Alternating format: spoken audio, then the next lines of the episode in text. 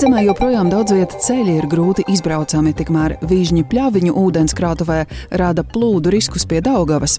Noslēdzas pārakstu vākšana referenduma ierosināšanai par partnerības institūta atcelšanu. Nu, nevarēja cerēt, ka tiks savākti 155 tūkstoši. Tiešām nezinu, ka, kam būtu jānotiek, lai varētu tikt savākt, bet cilvēku aktivitāte ir tiešām zema bijusi, un, un tas ir sāpīgi un bēdīgi. Izraela nākusi klajā ar plānu par gazas Gāzes joslas pārvaldību pēc kara beigām, ko tas paredz arī par to pusdienas ziņu programmā.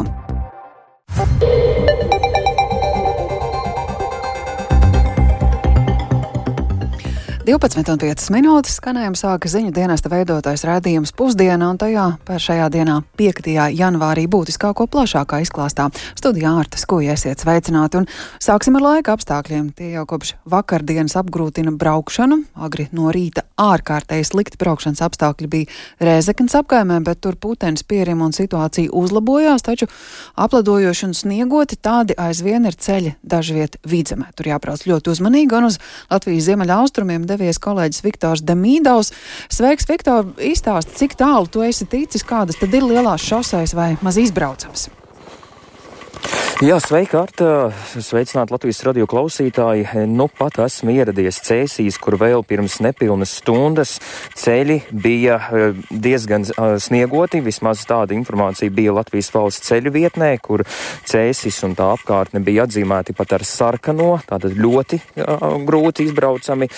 Tagad tas jau ir, situācija jau ir mainījusies, skatoties Latvijas valsts ceļu vietnē, tātad ap Cēsīm, arī ap Valmieru. Un arī visas uh, Sigūda šoseis garumā ceļš ir uh, rakstīts vienkārši apgrūtināts, uh, ar zilo krāsu atzīmēts. Un uh, novērojumi ir tādi, ka pašam par, personīgi tātad braucot pa Sigūdas uh, šoseju, uh, ceļš bija viegli aizputināts līdz Sigūdai. Izbraukt uh, varēja bez lielām piepūlēm. Uh, otrā josla uh, bija nedaudz apladojusi, un autovadītāji brauc mierīgi, apzinīgi svarīgi. Drošības labad un ātrums bija samazināts līdz 80 km/h, ierasto 90 vai pat 100 km/h, kā nu kurā dienā, ņemot vērā laikapstākļus. Un uh, ziemas tehnikas es manīju maz, un tojoties Siguldai pamanīju tikai vienu traktoru, kas tīrīja šoseju. Uh, savukārt pēc Siguldas, braucot uz cēsīm, ceļš jau bija sliktākā stāvoklī. Un tas ir gan Tas bija gan vairāk aizputināts, gan arī apledojis, un tāpēc nu, bija jābrauc ļoti piesardzīgi. Un tad vairāk noklausīsimies Cēsu novada centrālās administrācijas pārstāvi Egilu Kurpnieku. Esošie pretlīdz materiāli šādos mīnusos nestrādā kā nāks, kā zināms, nesāls un tam līdzīgi. Līdz ar to šajās pēdējās dienās bija lielāks vai mazāks izaicinājums ar slīdamību ielās un ceļos bet tagad pēc sniega sniegšanas tāpat visas tehnikas vienības ir ierindā un darbā. Pagaidām um, tādu kaut kādu lielu skaļu sūdzību vai avāriju vai problēmu pagaidām īsti nav. Dzirdējām Cēsu novada centrālās administrācijas pārstāvu Egilu Kurpnieku par situāciju Cēsu novadā, un es arī uzrunāju Valmieras novadu, lai saprastu, kāda situācija ir tur. Teica, ka mm, situācija ir labāka, uzlabojas, un gan operatīvais transports, gan produktu piegāde, pārtiks produktu piegāde, gan pasta pakalpojumi viss darbojas. Arī Cēsīs to pašu apliecināja. Savukārt tagad es arī skatos, kur ir slikti izbraucami ceļi ceļi tie ir ap limbažiem, tad arī no ainažiem virzienā uz aloju, bet lielākoties vidzemē jau viss ir atzīmēts ar zilo, tātad zilā, zilo krāsu, kas nozīmē, ka vienkārši apgrūtināt nav vairs tik sliktā stāvoklī. Bet ko par to vispār domā šoferi? To es, es kopā ar kolēģiem uzrunāju pie Siguldas. Pirmkārt, šķūris vilkās pa priekšu, kas arī kavē visus darbus. Ceļi nav nokaisīti, zem sniega ir ledus, viss slīd. Nobremzēt arī baigi nevar. Uz lielā ceļa vairāk ledus ir. Pa mazajiem ceļiem tur tas sniegs sakrits. Ir kā normāli, tas arī atkarīgs no kādas riepas tu izmanto. Nu, ja tu piģis nopēc lētākās, nu, tad, tad reķinies, nu, kad būs. Tā kā vienkārši ir labas riepas, ir, nu, tad braukt var normāli. Kaut ko varbūt pamanījāt, ka ceļus tīra vai, vai Nē, nu, ir tās divas risks, ir izbraukts uz abām pusēm. Un... Pliks viņš ir, jā, nu, ir tas lediņš, ir kaut kāds droši vien virsū. Fantastisks. Un, kā jūs ar kaut kādām problēmām esat jau šorīt saskāries? Nē, nē, esmu. Man patīk ziema, man patīk, ka ceļi ir nedaudz slideni. Viņi, es neteiktu, ka viņi ir sliktā stāvoklī. Vienkārši ir sniegs. Mēs dzīvojam tomēr nu, vairāk Ziemeļā Eiropā. Un, uh, man liekas, ka tā pārspīlētā dusmošanās uz to, ka ceļi nav iztīrīti līdz perfektumam, nu, jā, nu, tas ir pārspīlēts vienkārši. Slideni, slideni, jā. Pa priekšu brauc tieši man uh, kaisītājs, kurš tikai šķūrēja ceļu. Tas bija arī viss. Mm -hmm. Jā. Tā par braukšanas apstākļiem vidzemē ar autovadītājiem sarunājoties un situāciju pašam personiski vērtējot kolēģis Viktors Damīdovs, bet laika apstākļu dēļ brīdinājumi ne tikai braucējiem. Oranžais brīdinājums kartē iezīmēts Daugavas baseinā, aizkrauklis Jākapils un Līvāna novadā, pļaviņu ūdenskrātuvē blīvējoties vižņi un hidrologi prognozē, ka ledus sastrēgums var izraisīt plašāku teritoriju aplūšanu. Par to sarunāsimies ar Vides ģeoloģijas un meteoroloģijas centra hidroloģi Līgu Klinti. Labdien! Labdien! Kāds tad ir iemesls tam, ka bija jāizplata oranžais brīdinājums, kas Daugavā notiek? Jā, pēc uh, decembra siltajiem laikapstākļiem strauji iestājās sals, bet uh, upes jau bija paspējušas atbrīvoties no ledus, tāpēc garā, garā Daugavas posmā, līdzīgi kā pagājušajā gadā, veidojas intens, intensīvi veidojas vižņi un tie krājas pļaviņu ūdenskrātuvē. Uh, tie periodiski izraisa strauju ūdens līmeņa paaugstināšanos pat par vairāk nekā diviem, trim metriem um, diennaktī. Un tāpēc uh, arī mēs izsludinājām šo oranžo brīdinājumu, jo tuvākajās dienās šis process saglabāsies, un lai tas nebūtu pārsteigums brīvdienās uh, tuvumā dzīvojošiem. Uh, Reiķinoties ar to, ka nākošanai savukārt sola strauju atpūsni un to, kas šobrīd ir izveidojies, vai mums ir jāgatavojas uh, pagājušā gada janvāra scenārijam? Um, es nevaru izslēgt tādu iespējamību, ka pēc tam, kad pļaviņu ūdenskrātuvē būs pieblīvējušies šie vižņi, atkal nesāksies uh, Daugavā uh, augšpus pļaviņu ūdenskrātuves, tātad pie Jēkabils krāties uh, un blīvēties vižņi.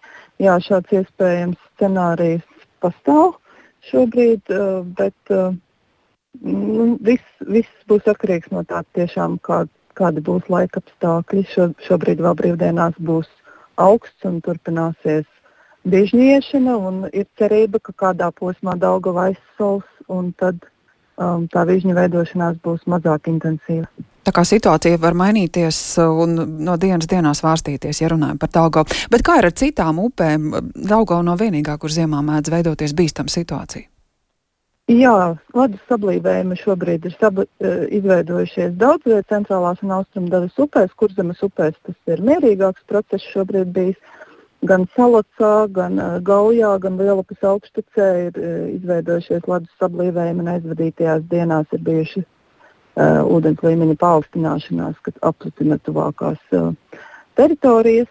Tāpat joprojām airiekstes, uh, airiekstē pie Lubānas turpinās uh, ledus veidošanās un ūdens līmeņa paaugstināšanās, kā arī citās. Tāpēc um, domājam, šajās um, dienās, turpmākajās, kad būs augsts, daļa upju spēs aizsalt un izveidoties stabila ledus sega, bet citās ledus saga mēģina izveidoties, un tad uh, turpinoties ūdens līmeņa un uh, kāpumam un vižņu blīvēšanai tā pajūg, tāpēc es aicinātu cilvēkus uz ūdens tecēm nekāpt, jo ledus saga var būt mānīga.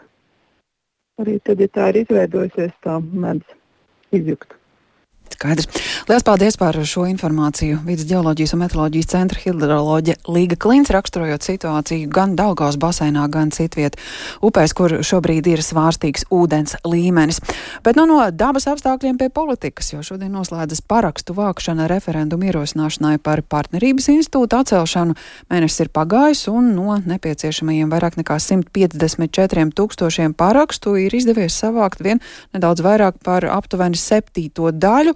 Kā vērtējam šie rezultāti un vai aktivitāte parādījusi arī sabiedrības attieksmi pret partnerības institūtu. To centrās noskaidrot kolēģi Agnija Lazdiņa, kas šobrīd jau ir studijā. Sveika, Agnija, jo tev izdevās parunāt gan ar partnerības likuma virzītāju, gan parakstu vākšanas inicējušo partiju deputātiem. Ko tad viņi saka par savākto parakstu skaitu? Labdien! Jā, no sākuma gan jānorāda, ka referendums par partnerības institūtu atcelšanu visticamāk nenotikšot. Tā intervijā TV3 raidījumā 900 sekundes atzina centrālās vēlēšanu komisijas priekšsēdētāja Kristīna Saulīte. Un konkrētus datus par to, cik tieši paraksti ir savākti līdz šai pēdējai parakstu vākšanas dienai, centrālā vēlēšana komisija vēl nevar nosaukt, jo informācija vēl jāapkopo, jo šodien vēl ir tā pēdējā iespēja parakstīties, taču līdz 12. janvārim tikšot apkopoti rezultāti, bet, nu, centrālā vēlēšana komisija sola informēt sabiedrību tik līdz būs zināmi tie rezultāti. Un provizoriski šī parakstu vākšana ir izmaksājusi nedaudz virs viena miljona eiro, bet precīza summa būs zināma tuvāko nedēļu laikā, kad visas pašvaldības būs informējušas Centrālo vēlēšanu komisiju par savām izmaksām.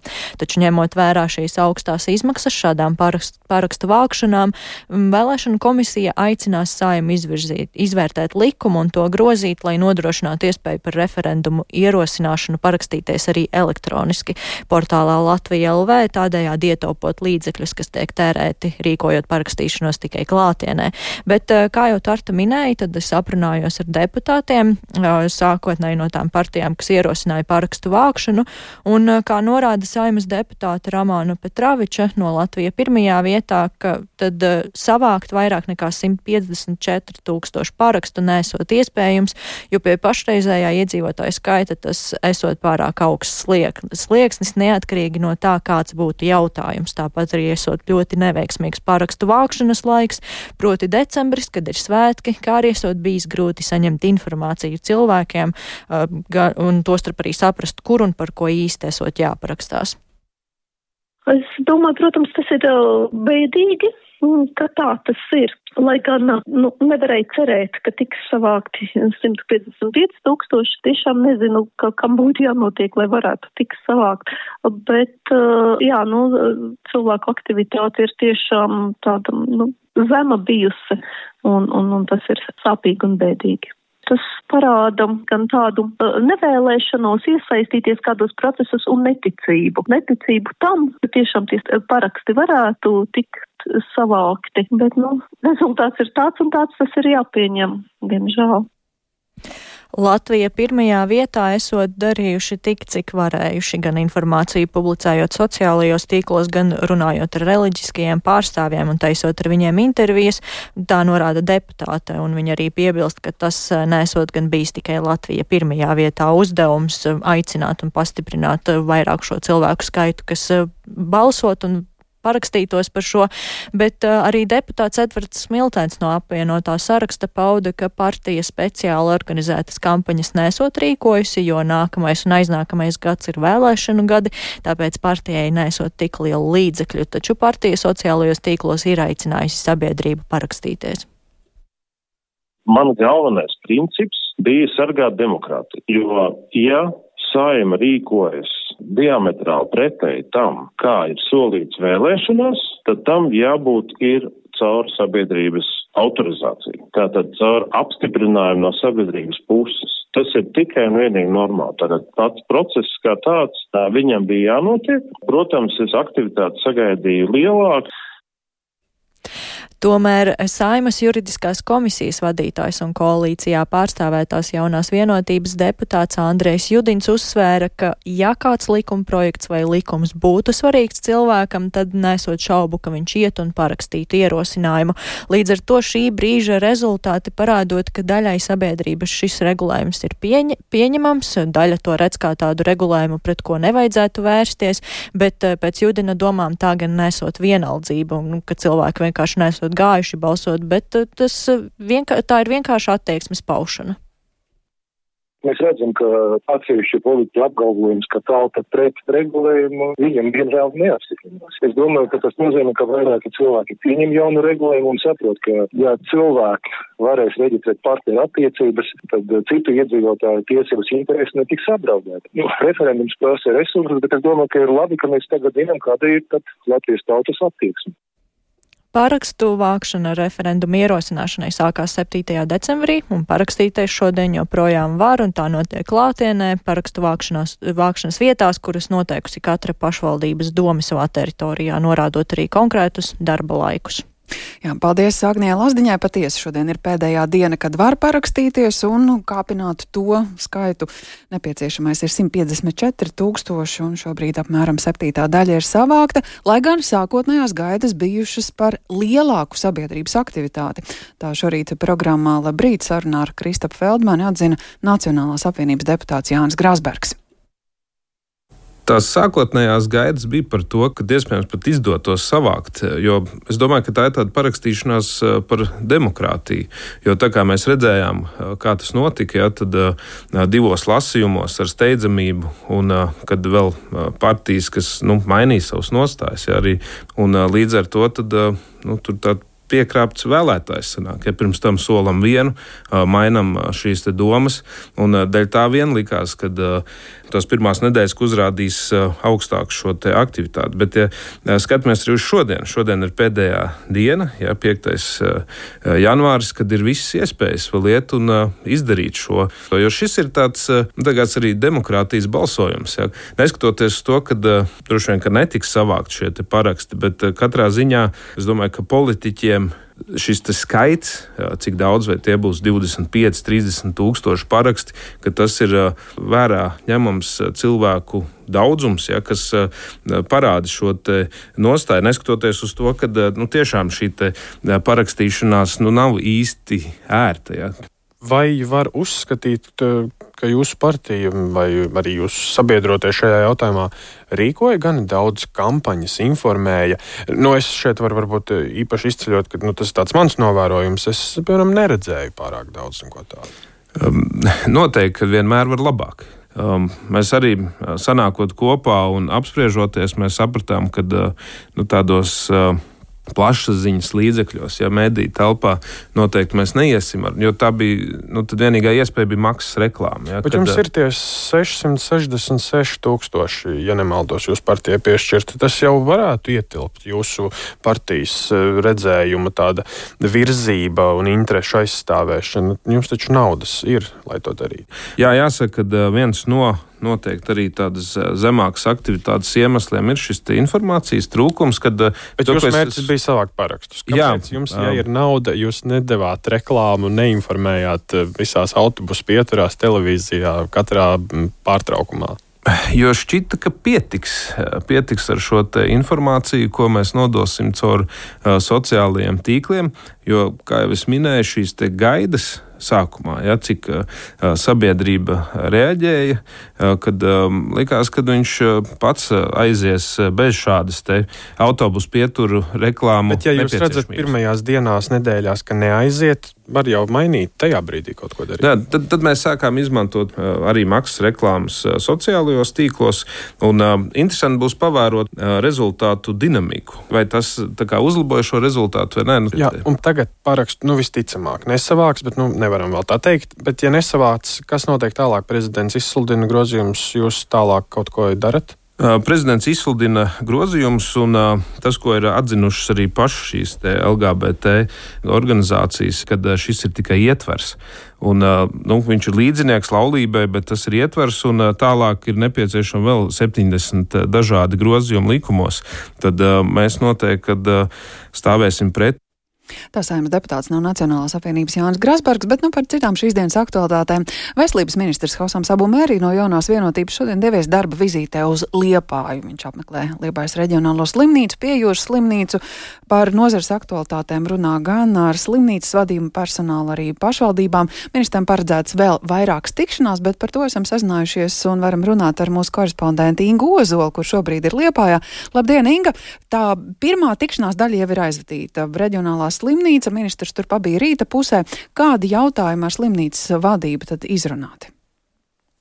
Jā, nu svarīgākais, protams, kas tika aktualizēts, ir 2024. gada budžets un kāds būs eh, slimnīcas finansiālais stāvoklis. Eh, pagājušais gads Liepājas reģionālajai slimnīcai ir bijis eh, finansiāli ļoti sarežģīts un grūts. Uh, nu, negluži kritisks, bet tiešām smags, jo bija plānots beigt gadu ar 1,8 miljonu eiro lieliem zaudējumiem. Uh, tad, optimizējot visus izdevumus, tagad izskatoties, ka tie būs 100 līdz 150 tūkstošiem eiro, tad šie zaudējumi, kas ir labāk nekā situācija prognozēja pirms vairākiem mēnešiem, uh, jo valdība gada beigās piešķīra papildus finansējumu. Protams, aktuāls algu jautājums darbiniekiem, ko uzsver arī Liepājas reģionālās slimnīcas ārstniecības direktors Edvīns Striks un joprojām jauno speciālistu piesaisti slimnīcai, kas ir ļoti būtiski. Kaut gan Liepājai jau ir līdz šim pietiekoši labas iestrādes, kā piesaistīt jaunos ārstus. Mhm. Zināms, ka tieši pat labāk pusdienlaikā veselības ministrijas delegācija ir devusies uz ģimenes ārstes Lindas Reitsles praksi Liepājā. Par kādām problēmām tur varētu būt saruna? Jā, tieši šobrīd notiek tikšanās ar ģimenes ārsti viņas praksē. Un uh, Līna Reitsle Latvijas radio jau iepriekš sacīja, ka šobrīd uh, problēmas ir tās pašas, kas samilzušas jau gadiem, un kā lavīna ripojot no kalna lejā un paliek arvien lielākas. Uh, taču šoreiz uh, viņa vēlējās pievērst ministru uzmanību inflācijas jautājumam un prakses uzturēšanas izmaksām.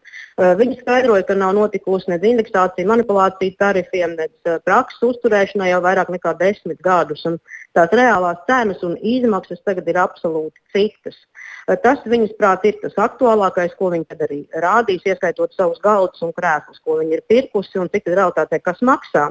Un es uzdevu jautājumu veselības ministram tieši par finansējumu prakses vietām ģimenes ārstiem un plānoto finansējumu. Viņš skaidroja, ka no 1. februāra ģimenes ārstu prakšu uzturēšanas finansējums tiks palielināts. Piemēram, prakses vietām tas sasniegs apmēram 1000 eiro, kas līdz šim ir svārstījies 400 eiro apmērā. Eh, būs arī papildus finansējums māsu un ārstu aizvietošanai. Eh, bet plašāk jā, par to, kas Liepājā kā veicās šajā vizītē, stāstīšu pēcpusdienā ziņu programmā. Paldies tik tālīgai Ozolai un vēl pievēršoties ārvalstu aktualitātēm. Pēc Izraels kara ar teroristu grupēm Hamas Gazas joslā neatjaunos ebreju apmetnes, bet teritoriju pārvaldīs palestīnieši. Taču Izraela saglabās militāru kontroli pār Gazu. To paredz plāns, ko publicēs Izraels aizsardzības ministrs, ar kuru tiks iepazīstināts ASV valsts sekretārs Antonijs Blinkens. Viņš sāk vizīti tuvajos austrumos un par šiem jautājumiem šobrīd sarunāšos ar kolēģi Ulu Ķezberi. Ko tad paredz Izraels aizsardzības ministra plāns? Jā, šis plāns, ko, ar ko iepazīstināja vakar. Tas paredz, ka vietējie palestīnieši būs atbildīgi par civilās administrācijas izveidi un darbu pēc kara beigām. Un tas visticamāk nozīmēs to, ka Gazas pārvaldīšanā neiesaistīs palestīniešu pašpārvaldi, kas ir pie varas okupētajā rietumkrastā. Un iemesls tam ir ārkārtīgi zemais atbalsts palestīniešu pašpārvaldei Gazas joslā, kur pēdējos 16 gadus valdīja Hamas. Un arī palestīniešu pašpārvaldes līderi paši ir paziņojuši, ka nu, viņi īsti nav ieinteresēti varētu iesaistīties Gazas valdībā pēc kara beigām. Un uh, šis galanta plāns arī paredz, ka Gazā neveidos ebreju apmetnes, kādas tur bija uh, pirms 2007. gada, kad Hamas pārņēma pilnīgu kontroli. Un būtisks plāna punkts ir tas, ka Izraela faktiski saglabās militāru kontroli pār Gazu. Uh, Izraels aizsardzības spēki varēs veikt jebkurā brīdī ieiet teritorijā, ja tiks uzskatīts, ka Gaza atkal rada draudus Izrēlai. Un visticamāk, ka Izraela pilnībā kontrolēs arī robežu ar Gazu. Plāns paredz, ka Izraela pārbaudīs pārbaudīs preces, kas būs paredzētas ieviešanai Gazā. Nu, tāpat ir paredzēts, ka Izraela kopā ar vairākām arābu valstīm iesaistīsies Gazas joslas atjaunošanā pēc kara, taču pagaidām ir grūti pateikt, kuras arābu valstis varētu iesaistīties. Izraels premjerministrs Netanjahu atbalstot šo plānu, bet pret to ir asi iebilduši vairāki valdības locekļi no galēji labējām partijām. Nu, viņi uzskā, uz, uzstāja, ka Gazā ir jāatjauno ebreju apmetnes. Un, pagaidām šis, gan, šis plāns ir tikai teorētisks, jo vēl tas nav apspriests valdībā, un Gazā arī turpinās, protams, karš, kas, kā apgalvo Izraels valdība, varētu ilgt vēl mēnešiem. Un, jā, nu tad jāskatās, kāds tad būs tas tālākā gaita. Mhm. Izrēla gaida ierodamies tātad ASV valsts sekretāru. Kāds ir viņa vizītes mērķis, ja īsti to var raksturot? Jā, nu Antonijs Blinkens jau ceturto reizi pēdējo trīs mēnešu laikā apmeklēs Izrēlu. Nu, tas tikai apliecina, cik uh, ASV ir svarīgi šis, te, šis karš Gazas joslā. Un, uh, jā, viņa pārstāvis Metju Millers sacīja, ka Linkena vizītes galvenais mērķis būs runāt par iespējām ierobežot Izraels sauszemes operācijas Gazlā, Gazā, tāpat uh, paplašināt humanās palīdzības piegādes, kā arī mēģināt novērst iespēju, ka karš izplešas uz citām vietām reģionā. Tad varam arī paklausīties viņa teikto. Viņš koncentrēsies uz to, lai novērstu konflikta paplašināšanos. Viņš apspriedīs konkrētus pasākumus, ko puses var veikt, tostarp to, kā tās var izmantot savu ietekmi reģionā, lai izvairītos no eskalācijas. Neviena, ne Izraēlas, ne reģiona, ne pasaules interesēs nav, lai šis konflikts izplestos ārpus Gazas joslas. Jā, un šīs vizītes laikā viņam ir paredzēts piestāt arī vēl vairākās vietās, tostarp Rietumkrastā, Eģiptē, arī Turcijā un Saudārābijā. Tā kā plaša, plaša vizīte Blinkenam. Paldies Uldim Česberim, un ar šo ziņu arī skan redzījums pusdiena. Tā producents Lauris Zvēnieks ieraksts Montai Kaspars Groskops par labskaņu rūpējās Rīta Kārnača, ar jums sarunājās Ārtas Kuja. Plašāk par dienas notikumiem, protams, runāsim arī pēcpusdienā.